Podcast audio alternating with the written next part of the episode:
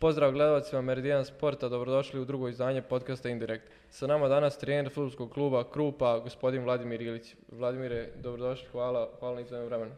Hvala vama na pozivu. Prije svega ću iskoristiti e, priliku da pozdravim sve gledalce i da vam se još jednom zahvalim na, na pozivu u vašu emisiju trend nekako tih mladih trenera u Europi je sve veći i veći, ne samo u Europi nego u Bosni i Hercegovini, ali vi ste pomirili tu neku granicu, najmlađi ste trener ubjedljivo u Europi i u Bosni i Hercegovini sa UEFA B licencom, kako ste došli generalno na ideju tu da krenete u trenerske vode? Pa upravo tako vidimo da, da generalno i kad pričamo o Europi, kad pričamo o Bosni i Hercegovini, trend mladih trenera je sve češći i sad pogledajte da, imam, da imamo 4-5 vrlo mladih trenera u Premier Ligi i da, da to sve ide nekom svojom normalnom putanjom. E, što se tiče mene, onako splet nekih jako čudnih okolnosti, iskreno da vam kažem, nije ni, ni bila neka ideja da ovako mlad preuzmem klub. Ovaj, prije svega je bila neka ideja da, da se usavršavam sa, sa Zoranom Marićem, ovaj, koji je bio na čelu Krupe u prethodne dve godine. Poslije toga splet, splet nekih nesrećnih okolnosti i eto me tu sam ovaj, na, na klupi Krupe. Pa prije trenerske karijere e, imao si igračku karijeru, bavio se aktivno futbalom u Krupi, zašto je to tako rano završilo? Pa upravo tako, ja sam onako, da kažem, puno godina proveo u, u Krupi, neke dve godine u borcu, ovaj, omladinske kategorije, u dve godine sam proveo u borcu, poslije toga sam se vratio u prvu ekipu Krupe, e, nastupao tri godine, to jest bio u ekipi ovaj, tri godine Krupe i poslije se desi onako neki, e, opet da kažem, neke okolnosti, osam mjeseci povrijeđen i tad sam otprilike već shvatio da, da neka igračka karijera sa, sa e, količinom povreda koja je bila u to vrijeme onako nije svjetle, svjetlog puta. E, u juniorima klube bio si kapiten, ako se ne varam, da li si tada pokazivao neke trenerske znake, da li si volio da pomjeraš igrača, da komanduješ? Koju si poziciju igrao? Pa upravo tako, mi smo, igrao sam štopera, desnog beka i štopera, e, sa, sa juniorama Krupe napravili smo ogroman uspjeh i prvi u istoriji, istoriji kluba, igrali smo omladinsko finale Kupa Bosne i Hercegovine, onako jako veliki uspjeh. Pa generalno imao sam uvijek tu neku crtu malo, malo više da, da pričam na terenu nego, nego pojedini igrači, nego većina igrača. To me otprilike i krasilo u, u cijeloj toj igri, tako da ovaj, nije mi bilo toliko teško da se naviknemo ovaj, na, na samu klubu. Znači tad se dalo nasluditi da, da bi mogao jednog dana postati trener? Pa jeste, iskreno jeste. Trenutno si u procesu licenciranja, kako tu, kako tu ide? Pa upravo tako, završio sam UEFA B, evo, sad sam primljen na UEFA A, do kraja godine bih trebao da, da, da kompletiram uh, UEFA licencu i onda mi ostaje uh, dve godine rada i poslije toga prelazim na UEFA Pro licencu i nadam se da će biti najmlađi trener sa UEFA Pro licencom u Bosni i Hercegovini. E, s koliko godina si krenuo u taj proces licenciranja i kuda si išao, gdje se radio sve to? Uh, mislim da krenuo sam sa 20 godina, uh, to je onda neki standardan naš put, uh, ide se u nogometni savez, uh, futbolski nogometni savez Bosne i Hercegovine. Imamo, imali smo bar dva semestra po, po desetak dana gdje smo puno, puno nekih novih stvari se i naučili i prikazali i vidjeli, malo i vodili neke ekipe, tačnije omladinske kategorije e, i na kraju ovaj, sa srećom završili tu licencu. Onako, e, da kažem da, da je jako, jako dobra stvar za, za trenere što se može naučiti puno u, u Centru za edukaciju, što ima, imamo jako dobre profesore u, u vidu Munira Talovića koji to sve vodi na jedan jako, jako dobar način i mislim da, da Bosna i Hercegovina ne treba brinuti kad je u pitanju uh, taj dio struke. Spomenuo si da je neki plan bio da sarađuješ i učiš od Zorana Marića, ali generalno Krup si bio i dok je na dijelu bio Slobodan Starčević. Da li si od njega možda najviše naučio i da li je on bio neki role model? Pa upravo tako, e, uvijek, uvijek volim da kažem i e, nije bitno da li vi nekoga volite ili ne volite, jako je bitno da cijenite e, sve što je taj neko uradio i ja sa Slobodanom Sta, Stačevićem i dan danas u jako, jako dobrim odnosima, vrlo često se viđamo, puno učimo od njega i to je sigurno jedan čovjek od koga se može jako, jako puno naučiti i, i na današnji dan je on ipak selektor reprezentacije.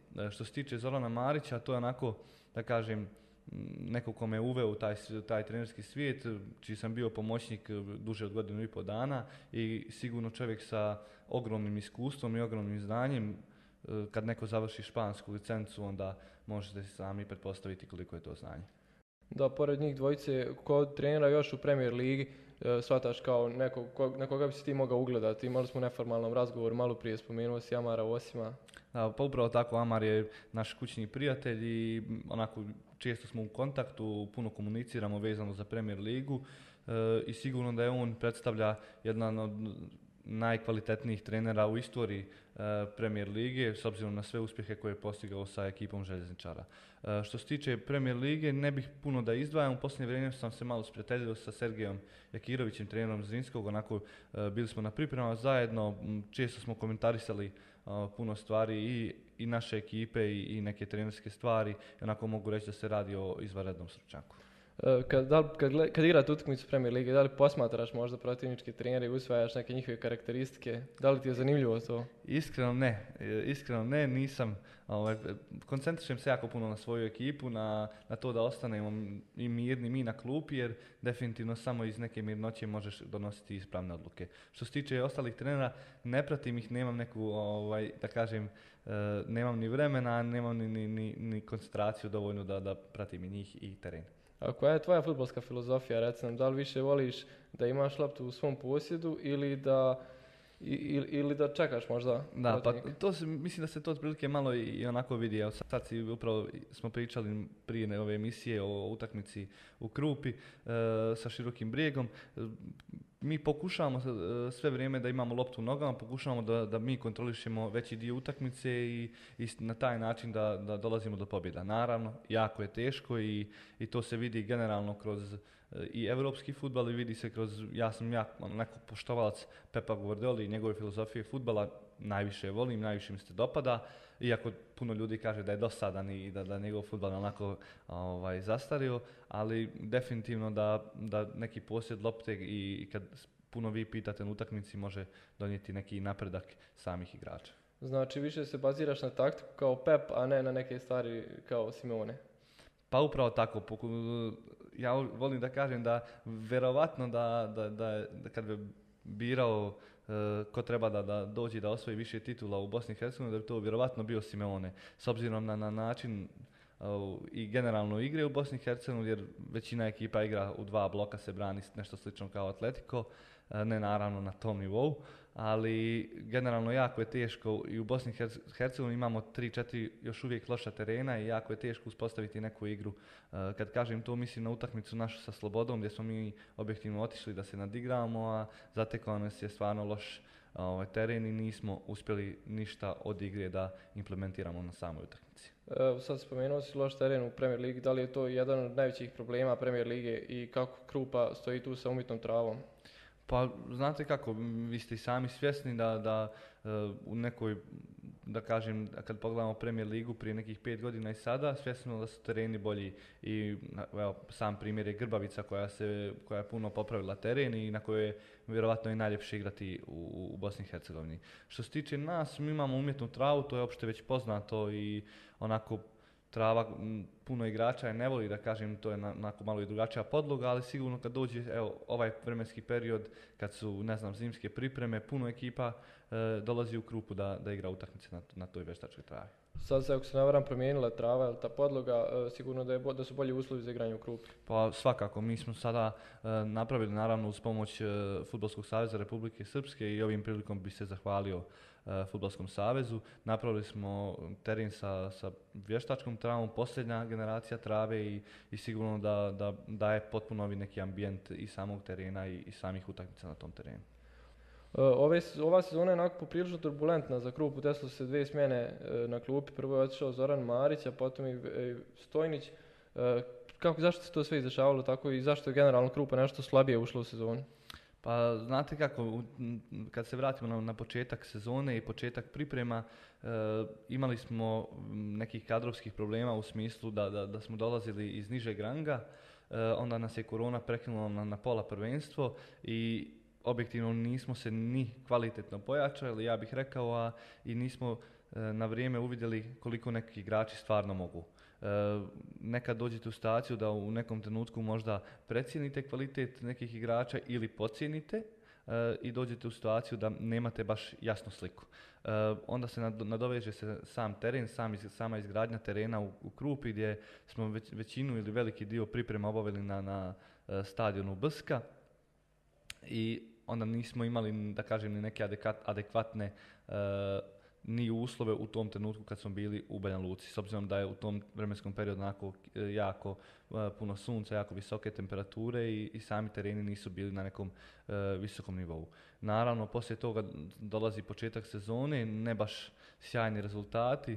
Od toga vidimo sa, sa Zoranom Marićem kao šefom desi se ta Tuzla City da primimo gol u posljednjoj minuti, pa desi se, ne znam, Veleš da, primimo gol u 80. minuti, pa u Krupi Sloboda, taman dođemo da bude 2-2, gubimo 2-0 pa stignemo na 2-2, onda primimo neki gol za 3-2. Tako puno nekih, da kažem, splet, splet puno nesrećnih okolnosti dovelo do toga da je šef Zoran Marić podnio ostavku i naravno ljudi u klubu su, su prihvatili tu ostavku. Poslije toga e, na njegovo, na mjesto šefa struke dolazi Velimir Stojnić, i isto čovjek koga nisam malo pre spomenuo, uh, pretpostavio sam da će biti ovo pitanje pa sam na, uh, htio da, da, da, ga sad spomenem.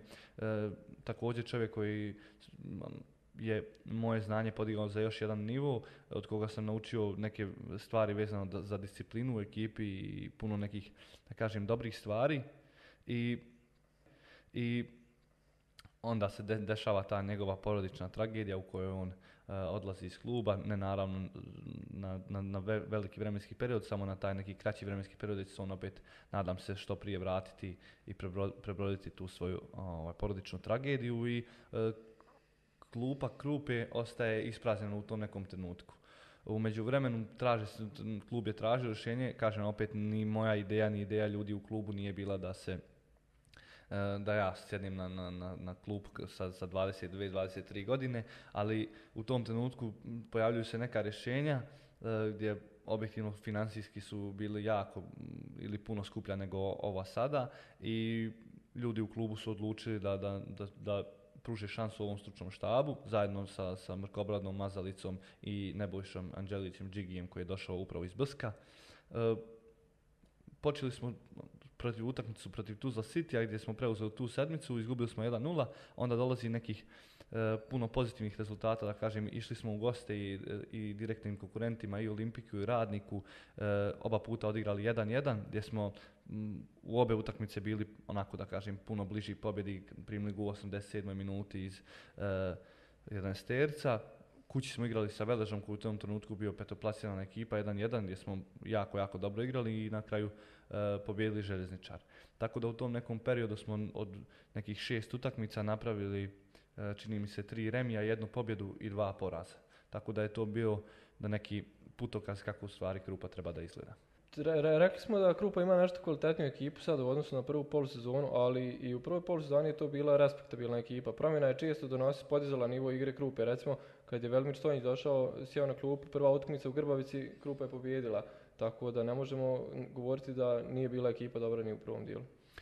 Kako kažete vi, koliko je bila dobra ili koliko nije bila dobra, objektivno jedino i najveće mjerilo su rezultati. E, u nekom dijelu sam i saglasan da, da, da smo imali i u tom trenutku respektivan tim za, za, za Premier ligu, međutim mislim da je na današnji dan Krupa onako puno kvalitetnija na nekim pozicijama, puno mislim da, da, da je pun, na nekom nivou fizičke spreme e, više u odnosu na prvu polusezonu i da, da sve to uliva neke, neko povjerenje da možemo napraviti rezultate. Koliko silom prilika, toliko i inovativno je bilo da na klupu dođete vi, e, Siniša Mrkobrada i Marko Mazalica. Šta ste konkretno unijeli kao promjenu ekipu?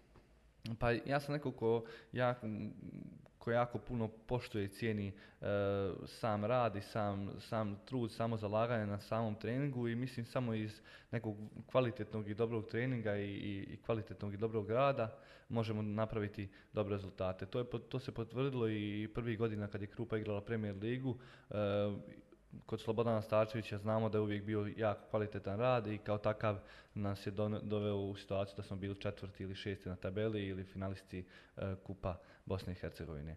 E, jeste onako čudan potez, jeste nešto što, što nije tipično za, za generalno u svijetu, u Europi, ali opet potez koji je, da kažem, Krupi donio neka, nekih puno dobrih stvari, pisajući prije svega na rezultate, onda samim tim dolazak uh, Džigija, to jest ne, uh, Nebojša Anđelića Džigija i poslije toga dolazak profesora Sekulića koji je onako donio Krupu, doveo Krupu na jedan malo viši nivo u odnosu na, na ostale klubove što, po pitanju toga.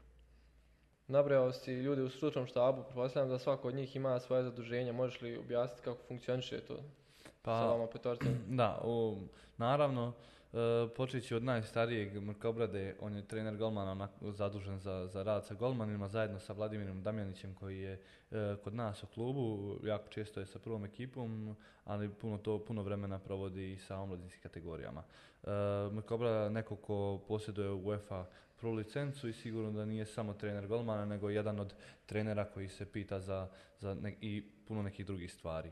Što se tiče njega, e, svojim iskustvom, svojim znanjem, ipak je on i ranije vodio ekipe, e, Mrko puno, puno toga daje našem stručnom štabu.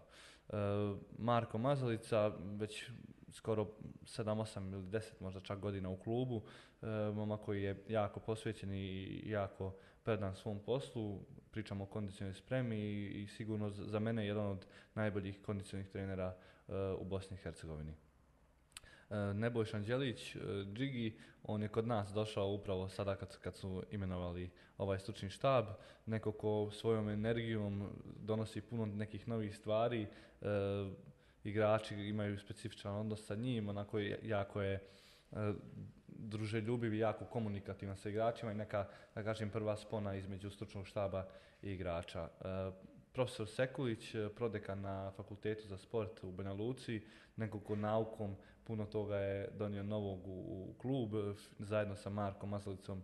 E, danas grupa izgleda fizički spremna i sigurno da je e, veliki dio i ve- najveći dio zasluga pripadaju upravo njemu i Marku što se tiče samog, same grupe.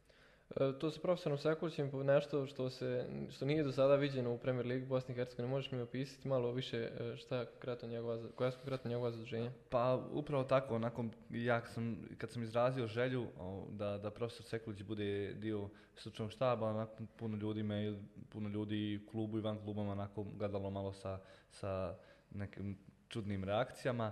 Međutim, ja sam znao da, da je nauka jako napredovala, da je futbal jako napredovao i da futbal u ovom trenutku bez nauke e, i bez neke fizičke pripreme i misleći na, na fizičku pripremu i na odmor sam i na regeneraciju igrača, e, jako teško idu jedno bez drugog. E, profesor svojim dolaskom je donio to da igrači e, svake sedmice testiraju krv, gleda se njihov e, kreatin kinaza, umori sam igrača, oporavak igrača, protokoli e, kod oporavka igrača, tako puno nekih novih stvari i sigurno i vidio sam da je, da, da kažem, futbalska Banja Luka e, sa, sa velikim respektom doček- dočekala novu vijest za profesora Sekulića. Da li je to bilo po uzoru na nekoga, na neki klub, ta odluka? Pa jeste, znate, kad, kad pratite e, malo futbolske trendove, onda vidite da je nauka sve više prisutna u, u, u samim klubovima, tako da, kažem, ne poredim nas, ali opet volim da, da izdvojim, na primjer, Liverpool ima 20 trenera vezano ili 20 doktora vezano za, za sve i najmanje sitnice se gledaju, znači niko ne prepušta ništa slučaju, počevši od trenera za out do, do samog doktora za oporavak ili masera, znači ništa se više ne, prepu- ne prepušta slučaju u, u futbalu i da sigurno vodeći se nekim e, velikim futbalskim klubovima došao sam na ideju da, da, da profesor Sekulić sa svojim znanjem i, s- i znanjem koji donosi sama nauka u futbal može biti od velike koristi klubu. E, Za klubove koji nemaju nešto dugu istoriju, često se kaže mali klubovi, iako ja taj termin ne volim i lično smatram da nije tačan kad je u pitanju Krupa. e, I da, kaže se da im je kratak rok trajanja, ali evo, Krupa je ispadala, iz pre- ušla u Premier Ligu i to prošla dug put do Premier Lige, ispala i ponovo se vratila u Premier Ligu. Da li to možda pokazuje da Krupa želi dugoročno ozbiljno, da bude stabilan pre- Premier Ligaš?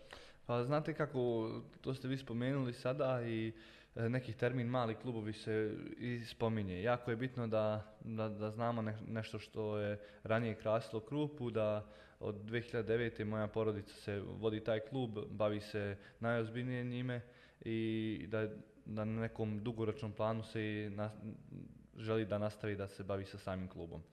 E, što se tiče Krupe, znamo da je ona za, za 4-5 godina e, prošla e, kroz četiri ranga, došla, takmičila se u prvoj ligi RS-a, osvojila prvu ligu RS-a, onda se takmičila tri godine u Premier ligi, napravila ozbiljne rezultate. Kad neko uđe iz prve lige Republike Srpske i, i tu godinu bude četvrti na tabeli, to mora, za to mora postojati poštovanje. Naravno, sljedeća godina onda tri finala kupa, gdje nismo objektivno imali sreće, možda ni dovoljno kvalitete da osvojimo, osvojimo kupove. I onda treća godina spred nekih čudnih okolnosti gdje, gdje smo ispali iz lige, pokazali želju da, da se vratimo u Premier ligu, uradili sve i na onako jedan jako, jako dobar način uš, vratili se povratak, obezbijedili povratak u Premier ligu s obzirom da, da nijednu utakmicu nismo izgubili u, u prvoj ligi Republike Srpske, naravno do prekida koronavirusa, do prekida prvenstva i početka tog koronavirusa i poslije toga povratak u Premier ligu, Premier ligu gdje objektivno mislim da, da nam je na današnji nas, po nekoj organizaciji, po, e, po svemu sudeći i, i mjesto. Više od 10 godina porodica Ilić vodi Krupu. Otkud toliki entuzijazam za futbalom? Pa prije svega to trebate pitati e, mog strica Draška i drugog strica Dragana i oca e, Dragomira koji e, jako puno svog vremena i jako puno svog novca ulažu u taj klub bez nekih, da kažem, ok, Krupa je imala neku filozofiju, dan danas ima filozofiju mladih igrača i, i, i inostranih transfera, ali sigurno da ta tri čovjeka svojom energijom, e, svojim entuzijazmom e, zaslužuju da, da Krupa bude tu gdje jeste. Kada ste imenovali za trenera prve ekipe, e, slažeš se, dobio si neki pritisak na sebi, ali ukazali su ti poštovanje i satisfakciju za sav, za sav tvoj dosadašnji rad. Pa jeste, saglasan sam i iako otac nešto nije bio pretjerano srećan i, nije, i nije ni imao neku veliku želju da budem ja s obzirom da znate kako to ide odnos otac i sin u klubu i, to je neku vrstu i pritisak i na njega i na mene, ali e, i, druga dva strica i ljudi u klubu, upravni odbor je pokazao maksimalno povjerenje i ovim putem bih se zahvalio jer nije E, nije uobičajeno donijeti tako neku čudnu odluku. Kako funkcioniše generalno saradnja sa porodicom u klubu i kako je, bilo, kako je bilo sa bratom dok je bio... Pa jeste... On je svega dvije, tri godine stariji od tebe. Jeste, Mladen je bio u klubu, s nama radio e, kao direktor kluba, doveo u klubu Premier ligu. Da kažem, u tom nekom njegovom mandatu i terenu Krupi je napravljen, nova veštačka trava je napravljena, tako da je, da kažem, otišao sa nekih puno urađenih stvari za sebe. E, što se tiče naših odnosa, e, ja porodicu, naravno porodica je za mene stup društva i prije svega nekih osnovna neka ćelija gdje, mora, gdje ne, ne može ništa biti preče od porodice, bar za mene ali isto tako kad pričamo o poslu i porodici, to su potpuno dva različita termina. Ja posao doživljavam na jednu, porodicu na drugu, drugu stranu i tako da u, unutar kluba mi smo samo, e, da kažem, poslovni, apsolutno poslovni maksimalno se fokusirani na, na, na poslovne stvari, bez obzira što i jesmo stvarno porodica van tog kluba kada se okupite, da li je, da li je futbal neizbježna tema, da li te podržavaju, da li te zazivaju kad izgubite? Pa, e, moram da priznam da jeste, mada isto tako moram da priznam od kad je brat e, postao predsjednik Skupštine i prije svega bio kandidat za odbornika, pa poslije toga predsjednik Skupštine grada Banja Luka, e, malo je politika i sam njegov dolazak na političku scenu preuzela primat u nekim našim neformalnim razgovorima, ali naravno futbal je i dalje jedna od omiljenih tema u familiji Lići. Ukoliko se na neku žalost nesretnim slučajem desi da Krupa ispadne iz Premier lige, da li je ambicija odmah povratak u prvu u Premier ligu? Znate kako iskreno vam kažem, nismo se ni bavili razmišljanjem e, o ispadanju iz Premier lige, maksimalno smo fokusirani na, na opstanak u Premier ligi. Ja opet kažem da ne vjerujem da Krupa može opstati u Premier ligi e, i obezbijediti opstanak u ovoj sezoni, e, ne bih ni dolazio na mjesto stručnog, šefa stručnog štaba. Sve snage su uperene sad u, ovih, u drugu polusezonu, promijenila se dosta ekipa, možeš li, možeš li pisati prelazni rok Krupe? Turbulentan. To je riječ možda koja najbolje opisuje sam prilazni rok. E, slučaj koronavirusa koji se pojavio, koji je zahvatio globalno i zahvatio je cijelu planetu, je došao i na naša vrata, da kažem, nakon neki, u nekom trenutku smo morali malo ismanjiti troškove, to i pokazuje da, da je klub napustilo 12 ili 13 futbolera, zajedno devet kojih je, devet kojih je napustilo, koje je napustilo uh, klub raskidom ugovora i četiri igrača koja su otišla na pozajmicu. Nakon, uh, u nekom trenutku kad vas napusti 9 ili 13 igrača je jako čudno i, i nije baš preporučilo da se u zimskom prelaznom roku mijenja toliki broj igrača. Međutim, kažem vam, e, situacija koja nas je zadesila, smanjenje budžeta, poslije toga dolazak nekih igrača je samim tim i, i najavio odlazak pojedinaca. Što se tiče prelaznog roka, ja sam iskreno zadovoljan. Mislim da smo napravili u jako, jako respektabilnu ekipu za, za Premier ligu i sam dolazak e, posljednjeg pojačanja Tonija Jovića pokazuje to da, da Krupa ima najviše ambicije u smislu opstanka. E, naravno, dolazak i Muminovića, i Rakića, i Eraka, e, i Arsića koji je zalog za budućnost i na kraju Tonija Jovića mislim da, da, da oslikava dobru situaciju u klubu. Pripreme ste odradili onako tiho, ali ste se konsolidovali za evo prvu utakmicu što se vidjelo protiv širokog brijega. Kako ste zadovoljni tim pripremnim periodom? Pa jako dobro. Iskreno, neka ideja bila da zbog, tog, zbog same situacije oko koronavirusa nismo e, imali ni jasnu sliku da li ćemo moći u Hrvatsku, da li se može ići u Tursku, e, kakva će biti situacija. Generalno onda smo se opredijelili da ostanemo u Bosni i Hercegovini, e, tako da smo taj neki uvodni dio dvije sedmice radili u Krupi, ili dvije i po sedmice radili u Krupi, napravili dobru bazu, dobar osnov za, za, za, za, pripreme. Poslije toga smo se preselili u Međugorje, gdje u nekom trenutku nismo imali sreće da, da su tereni nisu bili na, na, baš najvišem nivou, pa su nam pravili određeni probleme u samom treniranju, ali dobro, mislim da, da, da smo napravili jako dobre pripreme, odigrali osam prijateljskih utakmica, e, vidjeli ko stvarno može, pružili šansu svima, i na kraju krajeva stvorili ekipu koja se može takmičiti ravnopravno u Premier Ligi.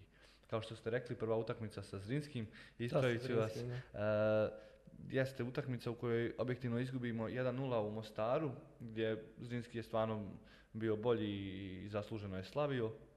Međutim, e, neka skeptika i neka sumnja se malo je uvuklo, da kažem, u neke naše redove, jer objektivno stvarno smo očekivali da možda možemo se vratiti neporaženi iz Mostara, međutim, evo vidimo utakmicu na Koševu gdje, gdje igraju Sarajevo i Zrinski, gdje je objektivno Zrinski jako, jako kvalitetan i mislim da je trebalo slaviti sa više e, golova razlike i onda dođeš u situaciju da, da gledaš svoju utakmicu i poslije toga gledaš utakmicu šampiona sa istom tom ekipom Zrinskog i gdje vidiš da objektivno rezultat 1-0 nije ništa strašno. E, što se tiče utakmice sa širokim brijegom, vidjeli smo se i na samoj utakmici, pa utakmica koja generalno u najmanju ruku zasluženo da bude neriješeno. Mislim da smo imali dve, tri vrlo odlične prilike i preko Jovića i preko opet Dujakovića, Čivića iz Kornera. Tako da mislim da, da smo i da smo slavili ne bi bilo nesasluženo. E, spomenuli ste saradnju sa Sergejem Akirovićem, e, ako se ne varam na pripremama, da li ste se čuli prije utakmice u Mostaru, da li vam je podijelio neki savjet možda protiv sebe? E, pa nije, iskreno nije. E, jeste sa Sergejem sam, sam se upoznao u Međugorju i imali smo e, nekoliko dana druženja zajedno sa Amarom Osimom, onako priča, jako neka lijepa priča i jako puno iskustva i od jednog i od drugog trenera. Što se tiče Sergeja, vidjeli smo se prije utakmice u Mostaru, čak smo bili nekih pola sata pred samu utakmicu zajedno, onako malo se ispričali oko svega, međutim niko ne otkriva svoje karte do samog početka utakmice. Da li Amar dijelio neke savjete? Pa Amar ko Amar nije specijalno, malo istina smo se čuli i poslije i, i prije i poslije utakmice sa Zrinskim, malo smo zajedno uh, analizirali ekipu Zrinskog prije same utakmice, ali generalno nije, nismo, nismo se nešto previše uh, poslije priprema, da kažem, družili. Pobijedili ste Željezničar dva puta u prvoj polusezoni, to je stvarno rijetkost i vjerujem da je to teško palo i Željezničaru i svim navijačima. Da li Amar nešto rekao povodom toga? Pa ja sam i poslije utakmice i poslije jedne i poslije druge utakmice bio s Amarom e, i pričali smo baš na tu temu, onako netipična situacija da ekipa iz onih dijela tabeli pobjedi e, u tom trenutku drugoplasiranu ekipu e, na tabeli. Međutim, mi smo bili svjesni situacije u kojoj se nalazimo u obe utakmice, možda onako utakmice koje su dolazile u nekim e, težim trenucima, e, kad je Krup prva utakmica, kad je Krupa promijenila šefa struke, da kažem ono što smo i pričali malo prije, taj neki boom efekat koji se desio i, i generalno situacija, utakmica je jako čudna, željezničar napravio puno nekih izglednih prilika, međutim e, na našu sreću smo mi slavili, poslije toga posljednja utakmica u prvoj polusezoni, onako naša slamka spasa je bila baš ta utakmica e, i novu energiju za prilazni rok i novu energiju na samim novim pripremama je donijela i, i, i ta utakmica i počevo te utakmice mislim da, da, da Krupa napravila puno nekih dobrih stvari u pripremnom periodu. Ponavljalo se Krupi već više puta da ima dobre prilike koje ne iskoristi, ostane 0-0, primi go i onda mora biti zadovoljna bodom koji ganja eto, do 90. minute. Isto to se desilo sa protiv širokog. Pa jeste, upravo tako. Mi smo, i kad pogledamo tabelu, ekipa koja je najmanje golova postigla u Premier Ligi, sigurno da, da je to jedan od naših najvećih problema i, i neka ideja dolaska Rakića i dolaska Tonija Jovića je upravo bila da, da povećamo taj e, broj postignutih e, golova. Pa saglasan sam utakmice protiv Slobode, protiv Kaknja kući, e, pa i samog Veleža gdje smo imali dve, tri izgledne situacije. pokazuju da ono što vi kažete, igramo dobro, stvorimo šanse, ne damo pogodak i poslije toga spasavamo živu glavu sa, sa jednim bodom subotu gostovanje mladosti u Doboju Kaknju. Uh, jedna od bitnih utakmica ove sezone, kako se spremate za nju?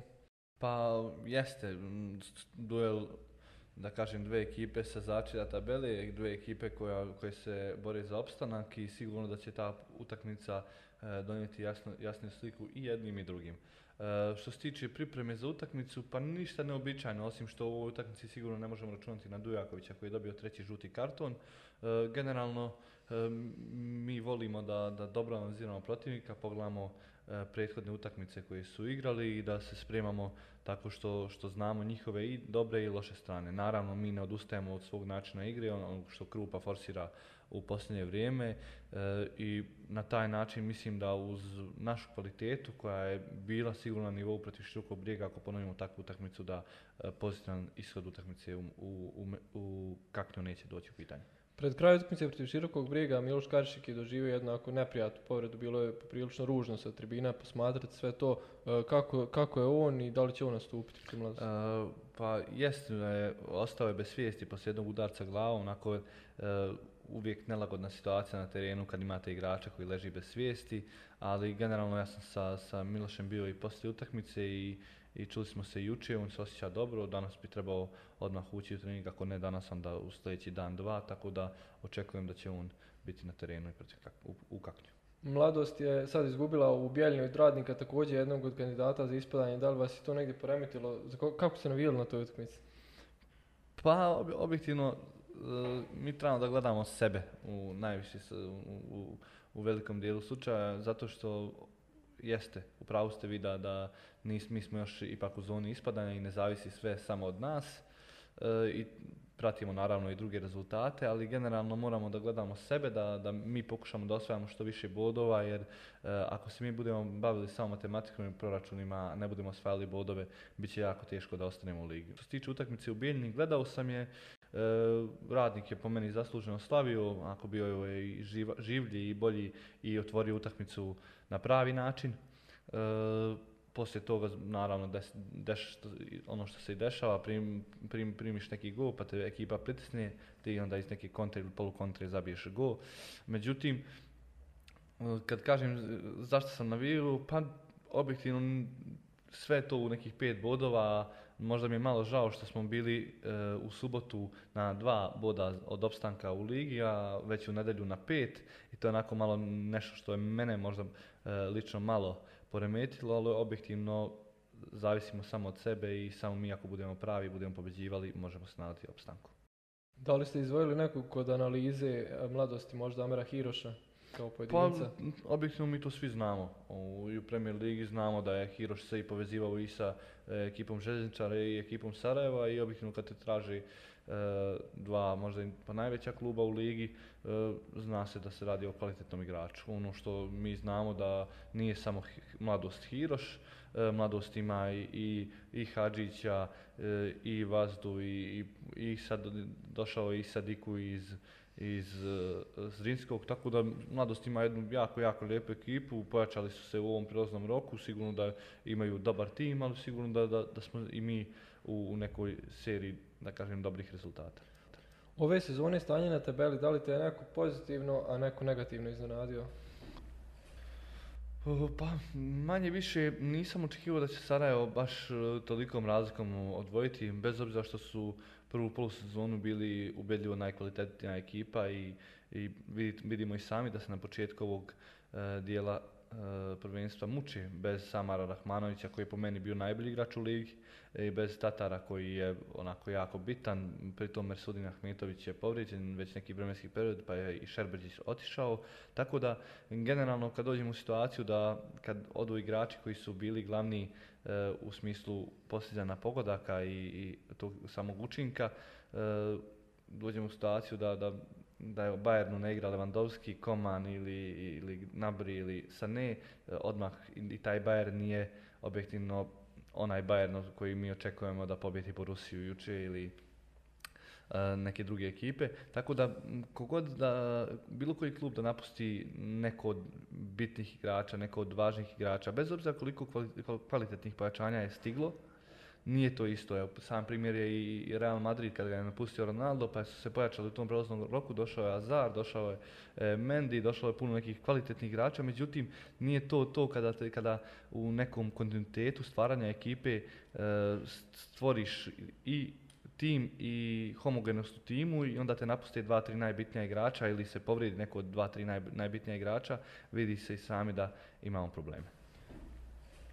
Zrinski je skoro pobjedio Sarajevo i to je poraz Sarajevo prvi u prvenstvu od novembra, ako se ne varam, 2019. godine. E, ali razlika je i dalje velika. Da li je prvenstvo riješeno? Pa znate kako, ono što ste vi rekli, mislim da je prije svega velika bodovna razlika. Bila je, ako se ne varam, 9 bodova u odnosu na željezničari i, široki, i širok, ili 12 u široki, e, nisam baš siguran na polusezoni, bila je uglavnom da, da, jako velika. Sad se, sad se to smanjilo na 8 bodova, ako se ne varam. I sad kad pogledam 8 bodova je onako... U odnosu na široki. U odnosu na široki, e, onako dobra bodovna zaliha za, za neki naredni period i sigurno da ekipa Seraja i dan danas bez obzira što su ne pustili ti igrači ima potreban kvalitet i sigurno je možda i, i dalje najkvalitetnija ekipa u ligi, uh, ali znate kako kad uđete u neku malo da kažem, lošiju seriju gdje izgubite od ekipe Zinskog pa imate kup, pa puno će tu nekih stvari odlučiti. Nije to baš da je osam bodova, da je, da je mirno more što se kaže, nego mislim da se ima još uvijek igrati u Premier Ligi. Pa ko bi tu mogao uključiti se u tu borbu možda željezničar, ta ekipa koja je najizbiljniji kandidat pored Sarajeva? Pa po meni nisam baš saglasan, po meni mislim da, da Zrinski u ovom trenutku ima najkvalitetniju ekipu. Mi smo igrali u Mostaru i radi se o, o odličnoj ekipi na čelu sa, sa Nemanjom Bilbijom koji je vjerojatno sada i najbolji igrač u ligi. E, to jest duži već neki, vremenski period je među najboljima ili najbolji igrač u ligi i sigurno da po meni Zrinski je prvi kandidat da, da, da, da pretenduje na titulu pored Sarajeva ili prva ekipa koja će biti ispod Sarajeva ako Sarajevo bude šampion. Znači Zrinski sa Sergejom Mekirovićem ne bi trebao doći u dilemu oko plasmana u Europu? Ja nemam tu dilemu, iskreno mislim da, da Zrinski ima potrebnu kvalitetu i u igračkom kadru i u stručnom štabu i generalno organizacijalno je klub na visokom nivou što se tiče organizacije. Mislim da, da ne bi trebao doći u pitanje u Europi. Vidjeli smo sad i široki brijeg u Krupi, da je to jedna više nego ozbiljna ekipa na čelu sa gospodinom Tonijem Karačićem. Kako se oni kotiraju tu po tom nekom mišljenju? Pa vrlo visoko, to, to se vidi iz, iz uh, i prethodnih utakmica koji su, gdje su slavili u Kaknju i sad protiv nas odigrali neriješeno. Međutim, e, svi mi znamo da je Široki mijenjao ekipu jako puno. Otišlo je puno standardnih igrača i možda u nekom vremenskom periodu kad budu potrebnije malo duže klupe da, da Široki se može naći u nekom problemu. Međutim, trebamo da zaboravimo Borac koji je među najkvalitetnijim ekipom, koji ima ekipu za respekt. E, Veleš koji igra fenomenalno i koji stvara vrlo, vrlo E, dobre rezultate na čelu sa Feđom Dudićem koji je isto jedan od, od e, da kažem tih novog talasa mladih trenera. I na kraju imamo Tuzla City koji sa Husifom Semićem e, dolazi na neki da kažem malo viši nivo i sigurno da prve dve pobjede na, na otvaranju ove, ove polusezone im ulijevaju nadu da se mogu nadati Evropi. Konkurencija nikad veća oko ta 3-4 mjesta koje vode u Europu, to je, to je pretpostavljam dobro za takmičenje.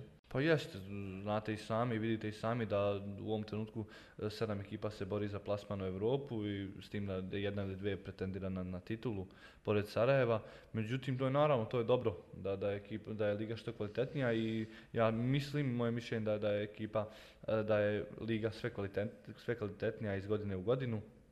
Da sam sami reflektori koji će biti obavezni od sljedeće, sljedeće sezone bit će, onako, bit će, da kažem, gledanija, noćne utakmice, znate i sami kako to ide. E, isto tako imamo objektivno uz tu slobodu još četiri ekipe gdje smo i mi da se borimo za, za opstanak, gdje se liga objektivno podijelila na dva dijela, e, ekipe koji se bore za, za Europu i titulu ekipe koji se bore za opstanak i već je to na polusezoni bilo jasno ko su te, te ekipe koji su se podijelili. Samim tim i teže izboriti opstanak, podigla se ta neka ljestvica. Pa upravo tako više nemate, da kažem, nekad ste u Premier Ligi objektivno imali nekih možda i malo lakših utakmica, međutim, evo sad imate ta, e, olim, ekipu Olimpika koja se po meni možda i najbolje pojačala u, u, u prilaznom roku, dovela puno, puno iskusnih igrača, puno igrača koji su e, pravili rezultati sa ozbiljnim ekipama, e, imate slobodu koja je uvijek kući jako, da kažem, nezgodna, koja je dom, domaćinska ekipa i na kraju kraja ekipa koja i osvaja bodove i van svog stadiona, što smo vidjeli prvu polusezonu.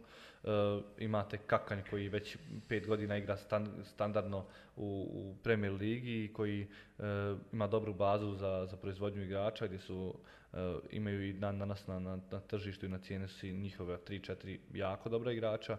Imate Krupu koja je koja je, da kažem, bila tri godine standardni Premier Ligaš, sada, sada se vratila u Premier Ligu, tako da e, borba za Europu, borba za, za opstanak nikad nije bila neizvjesnija. Bosansko-hercegovački klubovi su ove godine podigli kvalitet igre u europskim utakmicama. Da li misliš da sa pojavom novog takmičenja trećeg lige konferencija da neki klubova mora izboriti, može grupnu fazu? Pa ono što je evidentno da će sigurno biti lakše ekipama iz Bosne i Hercegovine u tom trećem takmičenju i da, da, da ćemo neku ruku imati malo veće šanse u, u samom plasmanu u Europu. E, što se tiče ekipa koje mogu izboriti plasman, pa sigurno da, da posjedujemo neki kvalitet, e, pogotovo mislim na prve 3-4 ekipe da posjeduju neki kvalitet, koliki je to u odnosu na, na neke europske ekipe, jako je teško reći, međutim svjedoci smo da Sarajevo dođe do, do četvrtog pretkola i jako je blizu izgubi 1-0 od, da kažem, bolje ekipe od sebe, međutim, ono što je evidentno da, da jako često mijenjamo tim, E, Sarajevo upravo stvorilo tim, napravilo e, odličnu koheziju. U samu, unutar same ekipe, nije izgubilo 460 dana, onako jak, podatak za, za, za poštovanje i dođete u situaciju da pola godine pred, sam, pred same kvalifikacije ekipa se promijeni. Naravno, Eh, ako imate nezadovoljne ekipe, eh, nezadovoljne igrače u ekipi, bolje je da, da se eh, ekipa promijeni nego da, da imate puno nezadovoljnih igrača unutar same ekipe. Međutim, mislim da moramo poraditi na tom kontinuitetu stvaranja ekipa generalno u Bosni i Hercegovini, jer mislim da se prelako odričemo nekih jako bitnih stvari za, samo, za sam plasman u Europu, a prije svega misleći na, na kontinuitet kontinuitet zajedništva u ekipi. Da li bi mogli jednog dana klub, Krupu gledati u europskim kvalifikacijama, bi bile blizu prve godine Premier Ligi? Pa, to je futbal, to je sport, e, zato je vjerovatno futbal i što se kaže e, najpopularniji sport na svijetu i druga najbitnija stvar na, na, na svijetu. E, pa Krupa je pokazala u prve, prve dve godine da, da je bila jako blizu Europe. E, ove, ove godine nismo imali sreću da smo prošli dalje u, u kupu Bosne i Hercegovine, međutim za nas, uslovno rečeno manje klubove, e, kup je jedno od takmičenja gdje, gdje, gdje možemo e, možda i više e, se posvetiti kad je u pitanju sama Europa. Kada gledaš europski futbal, koja je ekipa koju najviše voliš, najviše stil pretenduješ? Pa ono što je pokazala dosadašnja e, sezona, volim seriju A da gledam, e, onako nije baš tipično, znamo da je, da je serija A neki svoj vrhunac dost, dostigla nekada ranije, da je ne bila u nekom blagom padu, međutim u posljednje vrijeme, posljednje dvije sezone se e, sama liga diže. Pratim jako puno Milan, pratim e, Atalantu prije svega gdje mislim da je Atalanta donosi nešto novo u europskom futbalu i to se vidi u, njenim utakmicama. Tako da e, ono što, što je razlika definitivno da, da kvaliteta samih igrača i kvaliteta uslova je enormna u odnosu na, na, na Bosnu i Hercegovinu i na, na neke od Liga petici. Omiljeni igrač, ako je Ibrahimović.